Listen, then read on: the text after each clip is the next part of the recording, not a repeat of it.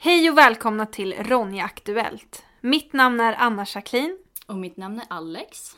Detta är andra avsnittet av Ronja Aktuellt. Om ni missade förra veckans avsnitt så tipsar jag er om att lyssna på det. Det diskuterades bland annat om abortförbudet i Polen, alla hjärtans dag och corona. Nu kör vi!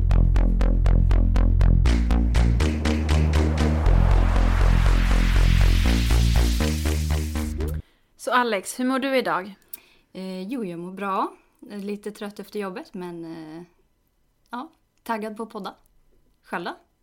Jag mår också bra. Är extremt taggad på att podda.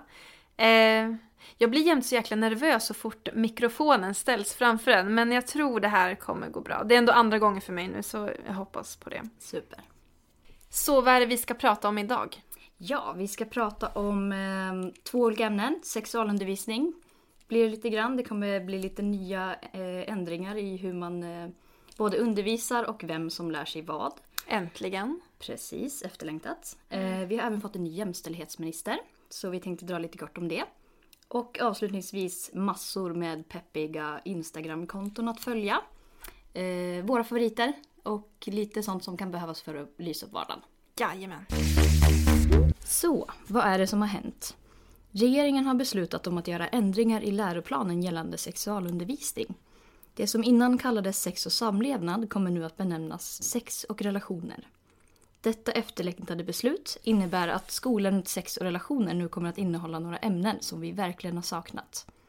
Några av dessa är samtycke. Skolan har en viktig roll i att lära unga i samhället en samtyckeskultur. Att sex och relationer ska bygga på ömsesidig respekt och frivillighet. Eleverna ska även ges möjlighet att få ett kritiskt öga till hur sex framställs i pornografi och sociala medier. Så att alla kan förstå att porren inte är en regelbok för hur sex ska gå till. Hedersförtryck och hedersvåld. Skolan ska aktivt motverka hedersrelaterat våld och förtryck. Dessa förändringar kommer att träda i kraft hösten 2022. Så vad tycker vi om detta? Alltså jag känner ju bara äntligen. Som eh, jag har väntat på det här. Jag tänker ju tillbaka på min skolgång hur ja, men sexualundervisningen var nästan till alltså, icke-existerande. Det var inte alls återkommande och ja, nej men äntligen att det också, som du nämnde då, att det tas upp samtycke. Någonting som vi inte alls pratade om då. Nej, inte vi heller. Det nämndes inte ens vad jag kan komma ihåg. Nej. Och det ska ju vara det absolut viktigaste. Eh, Oh ja. För det, det är ju så vi eh, förhindrar att eh, våldtäkt sker. Helt enkelt. Om alla Precis. förstår att samtycke är viktigt. Och att fri, frivillighet är viktigt. Oh ja. Ja men jag tänker också så här hur min sexualundervisning då var uppbyggd. Den var ju mycket så här att vi blev till och med indelade i grupper. Killar och tjejer. Där själva undervisningen, alltså vad var det jag fick lära mig? Det var men doppa en tampong under kranen, trä på en kondom på en banan. Mm. Och just den här problematiken att just också vara indelade i grupper. Mm. Att inte prata med varandra om det här att... Nej, inte bra tycker jag. Ja, jo, men det upplevde jag också. Det kan jag också känna att det var ett återkommande moment. Eh, speciellt när vi pratade om eh, preventivmedel och mens. Så var det eh, vanligt att tjejerna fick sitta för sig. Mm. Vilket är jätteproblematiskt för att det är ju väldigt viktigt för killar också att de får veta eh, hur mens Oh. funkar. Eh, så att man har förståelse för att eh, kvinnor och personer som har mens kan må väldigt dåligt av det. Och det är viktigt att man vet om det när man kommer ut i arbetslivet speciellt. Men hur man ska bemöta. Ja, precis. Och preventivmedel är ju inte heller någonting som bara ska ligga på den ena parten. Nej, utan gud det ska ju vara någonting som båda vet hur det funkar och tar ansvar för. Eftersom att det ändå är, ja, inte bara att det är två som då ligger, men det kan ju vara flera, men ändå att alla parter som är involverade behöver veta om just preventivmedel. Mm. Det är som, exakt som du säger, det ska inte ligga på enbart en person. Det är så viktigt. Verkligen. Det är någonting som, som jag upplever också ifrån vårt arbete på, på tjejjouren. Att eh, det är många eh, stödsökande tjejer som hör av, oss till, eh, till oss, eller hör av sig till oss som, eh, som upplever själva att de inte har fått lära sig någonting och frågar oss för att de inte vet vart de ska vända sig. Mm. Och eh, det är jättebra att de vänder sig till oss. Men det ska ju vara en självklarhet att man får reda på det i skolan. Gud ja, och redan vid tidig ålder tycker jag. Alltså man Ja, är ju så här, barn är ju nyfikna, de vill veta mer. Men också så här att, att just som när jag kommer, när jag, om man pratar om min sexualundervisning när jag gick i skolan, så var det oftast fniss, det var liksom lite generande att prata, till och med läraren, det kändes som att läraren tyckte Ja, så ja. också. Vilket gör att barnen, eller jag ville ju inte ta in det kanske på samma sätt, Mm. utan det var just på grund av att jag var så nyfiken så fick jag väl lära mig på annat sätt liksom. Mm. Och det har ju inte alla heller. Jag tänker så här um, föräldrar som kanske vill prata om sånt här, Mm. utan det är ju i skolan som man ska ta upp sånt här tycker Precis, precis. Man kan inte förlita sig på att alla har föräldrar som tar det ansvaret. Helt enkelt. Eh, och det som händer då, som vi har märkt eh, både av egen erfarenhet och i verksamheten här på Tjejjouren, Mm. är ju att det man vänder sig till när man inte vet är ofta porr. Mm. Och pornografi är ju inte undervisningsmaterial. jag. Oh, nej. Det är ju eh, ett, det kan vara väldigt skadligt för unga personer att se, att titta på porr. Eh, När man inte förstår, du får inte se vad, som, va- vad de diskuterar. Eh, Du får aldrig höra att någon säger jag vill det här, du får aldrig höra att någon frågar vad tycker du är skönt? Tycker du att det är okej om jag gör det här och så vidare. Eh, Och då förstår man ju inte själv att det är så man behöver göra. Och speciellt dagens porr som innehåller så otroligt mycket våldsinslag. Ja. Men Men alltså det är ju så, sex och... det är ju så, ger ju sån skev bild Ja. av verkligheten. Alltså det är så här, och också att det är ju nu yngre personer. Det är ju så lättillgängligt. Folk, Mm. unga människor i skolan vet vad man ska söka på. Mm. Också när de har liksom egna datorer i skolan. Ja, det är så mo- lätt. i mobilen. I mobilen Mm. dessutom, absolut. Nej, det är läskigt. Ja, så därför behöver man verkligen prata om det för det går ju liksom inte att, eh, att stänga ut det. Porren finns ju överallt. Det är bara ett klick ifrån på, i någons telefon. Exakt. Ehm, ja, något annat man verkligen saknade var ju... Jag hoppas att de kommer lägga större fokus på HBTQ. Oh ja. Ehm, som vi pratade lite grann om innan vi började spela, in Ja. att eh, där brukade det ofta kunna bli en temadag Mm. med HBTQ. Att man eh, pratar om det lite separat på sidan av som om det inte riktigt hör till det stora hela. Mm. Ehm, och då känns det ju som att det, det blir lite... Man får en liten skev syn på det att det här är inte inkluderat i sex och relationer Exakt. utan det är en kategori, kategori för sig. Och då känner man sig inte inkluderad i samhället till slut. Precis. Så... Nej men jag känner det också från min skolgång att det var liksom heteronormativt liksom. Alltså själva undervisningen. Mm. Eh, så problematiskt. Det är liksom 2021, man borde ha fattat bättre. Mm. Ja, det saknade vi. Eh, sen har vi ju ett nytt viktigt ämne. Eh, hedersrelaterat förtryck och våld. Som är ju någonting som... Det finns väldigt mycket fördomar om vad det innebär. Att många tänker att det är eh, personer som kommer från en annan kultur som är de enda som upplever heders- hedersrelaterat våld och förtryck. Men det kan ju vara en etisk svensk familj som har problem med det också. Mm. För det, vad det in, kan innebära är ju att eh, man inte får välja själv vem man ska eh, ha sex med eller vad man ska ha på sig eller hur man uttrycker sin sexualitet eh, överlag.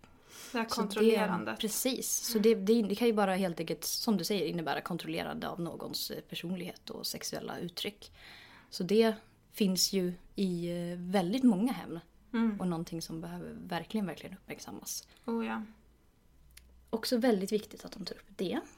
En till sak jag tänker på innan vi då byter ämne, det är eh, just att man också, alltså i min sexualundervisning då i skolan där, när jag var yngre, eh, var att man pratade typ enbart om könssjukdomar och reproduktion.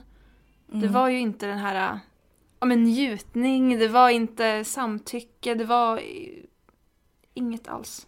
Nej, det var, det var väldigt stort fokus på eh, det biologiska och eh, vad som händer när man blir gravid och vad som händer när man blir sjuk. Och det, det praktiska helt enkelt. Det var Mm. inte så mycket om känslorna kring, kring det hela. Eh, vad man kan få ut av det och att sex faktiskt kan vara eh, någonting som man mår väldigt bra av. Precis. Eh, att man även skulle kunna kanske ta upp onani. Mm. Skulle, det skulle nog också behövas. Så att man eh, normaliserar det lite mer och att alla förstår att det, det är någonting som man kan må väldigt bra av. Och prata även om att kvinnor också gör det. Ja. För det är oftast fokus på män. Ja, precis. Och att det inte är någon större skillnad i hur ofta man gör det. För det är ju en väldigt seglivad lång myt som vi har levt med hela våra liv. Att eh, män skulle ha en högre sexdrift. Och det finns det inga bevis på. Överhuvudtaget. Så den behöver vi också försöka sudda ut för att försöka eh, ja, inte, det, så att det inte blir något skam, sk- skambeläggande kring att, att kvinnor onanerar eller tycker om att ha sex. Att det skulle vara onormalt på något sätt, för det, det, det är det ju inte. Det är helt naturligt. Helt naturligt är det. Ja. Så um, hur får man orgasm? Det kanske skulle vara en hel eh, kurs i sig. Det får vi prata om. ja, lägga in ett förslag där. Ja. Det är väldigt viktigt. Alla behöver få lite orgasmer lite då och då. ja, men ehm, med det sagt, vi har höga förhoppningar Ja. på dessa nya beslut. Håller tummarna riktigt hårt. Precis, det ser ljust ut. Det ser ljust ut i, ehm, i framtiden i läroplanen. Så bara positivt det här regerings, regeringsbeslutet helt enkelt, enligt oss. Så nästa ämne vi tänker ta upp är att vi har fått en ny jämställdhetsminister som heter Märta Stenevi. Den tidigare jämställdhetsministern var Åsa Lindhagen. Och vad gör då en jämställdhetsminister? Jo, en jämställdhetsminister kallas det statsråd i Sveriges regering som ansvarar för frågor rörande jämställdhet mellan kvinnor och män. Och något som jag tyckte var väldigt intressant som ROX lyfter upp på deras Instagram var även att eh, det blir just särskilt intressant eftersom att Stenevi även har ansvar, ansvar för bostadsfrågor. Och vi vet ju då att eh, bristen på bostäder är även en central fråga för våldsutsatta kvinnor och deras barn. Mm. Det ska bli spännande. Eh, vi är peppade på att se vad eh, Märta Stenevi åstadkommer i sin position. Och eh, önskar henne lycka till. Verkligen. Good luck. Då så, då har vi kommit fram till eh, sista ämnet för idag. Eh, vi tänkte att när man sitter hemma lite extra mycket och scrollar mer på sin telefon än vad man brukar göra så här i pandemitider, som det tyvärr fortfarande är, så behöver man lite extra peppiga saker i sitt feed. Extra boost. Yes. så vi tänkte droppa lite Instakonton som man kan följa. Som eh, ja, några av våra favoriter. Så number one, eh, Tänkvärt stavas T-N-K-V-R-T. Eh, alltså tänkvärt utan vokalerna. Drivs av en eh, man som heter Danny som eh, delar lite allt möjligt aktuellt eh, rörande jämställdhet, eh, antirasism, feminism och ehm, eh, ja, lite, lite gott och blandat helt enkelt. Det kan vara eh, namninsamlingar och ehm, eh, nyheter världen över. Men väldigt intressant, väldigt professionellt drivet konto. Håller med där. eh, Ett annat konto som vi vill tipsa om är mansbebisar. Och det stavas precis som det låter, mansbebisar. Och eh, det kontot ger så här exempel eller scenarion som kan uppstå om du har med en man att göra, men specifikt om du lever med en man. Ehm, det kanske inte är det mest upplyftande kontot alltid, men det kan ändå vara, ha en upplyftande effekt i sitt liv. Yes, håller med. Um, en annan av mina favoriter är en uh, icke-binär eh, modell som heter uh, Rain Dove. Och eh, uh, hennes konto heter Rain Dove Model på engelska då. Uh, hen delar väldigt mycket positiva eh, sätt att bemöta näthat och bara allmänt peppiga inlägg och eh, väldigt snygga modellbilder. Mm. Och ett annat konto som jag tycker ni borde kika på heter Create the Love på engelska. Och han lägger då upp olika typer av inlägg, ofta så här eh, relationsbaserade inlägg. Och han har mycket så här frågelåda med sina följare där följarna får ställa olika frågor kring deras liv och deras relationer. Där han också då ger tips till dem hur man ska tänka och sånt där. Så det är väldigt, väldigt bra. Ett bra konto helt enkelt. Super. Eh, mitt eh, näst sista tips, en eh, kvinna som heter Mick Sasson, tror jag man säger. Eh, lite oklart hur man uttalar hennes efternamn. Ehm, hon delar väldigt mycket kroppspositiva inlägg. Hon eh, har gått, haft en ganska svårt liv med många fysiska skador bakom sig. Och, så det är väldigt mycket pepp i hur man kommer igenom tuffa perioder i livet.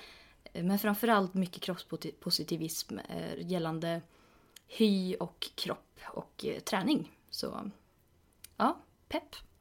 Helt enkelt. Och ett annat konto vi vill lyfta fram är Celeste Barber. Ni kanske vet vem hon är redan, men hon är ju en stört skön kvinna. Hon lägger upp inlägg där hon eh, härmar och gör parodi på olika virala filmklipp och bilder. Så hett tips! Börja följa henne. Grymt rolig tjej. Mm. Eh, sista tipset. En eh, tjej som heter Jess Megan. Eh, eller Megan. Eh, stavas Jess understreck Megan understreck. Vi kommer ju då såklart länka alla de här på våran, eh, på våran egen Instagram också. Så ni behöver inte sitta och komma ihåg allt det här. eh, men Jess är också en eh, modell. Och jobbar väldigt mycket för kroppspositivism. Speciellt bland unga tjejer. Hon lägger upp bilder som är väldigt osensurerade, äkta och väldigt vackra helt enkelt. Så känner du att du har en dålig dag över din kropp eh, så sprider hon väldigt mycket positiva vibbar. Så helt klart värt att följa. Och självklart så måste vi också passa på att tipsa om vårt eget Instagramkonto, Tjejhouren Ronja. Där lägger vi upp eh, aktuellt vad som vi gör i vår verksamhet. Men även lite, lite smått och gott, lite fakta, mm. lite vardagspepp, lite fina bilder. Och eh, tipsar även när det kommer upp Eh, nya avsnitt av Ronja-podden och Ronja Aktuellt. Jajamän. Yes, hett följetips där. Så där kan ni även gå in och kika om ni vill eh, klicka vidare på alla länkar på de som vi har räknat upp här. Så ni slipper sitta med penna och papper och skriva upp det. Och det var allt vi hade att bjuda på idag. Det känns ju riktigt nice att vi på riktigt har kommit igång nu med andra avsnitt och allt sånt där. Och eh, snart kommer ett till avsnitt. Det är bara att hålla ögon och öron öppna. Yes. Ha det så bra. Vi hörs. Det gör vi. Hej då! Hej då!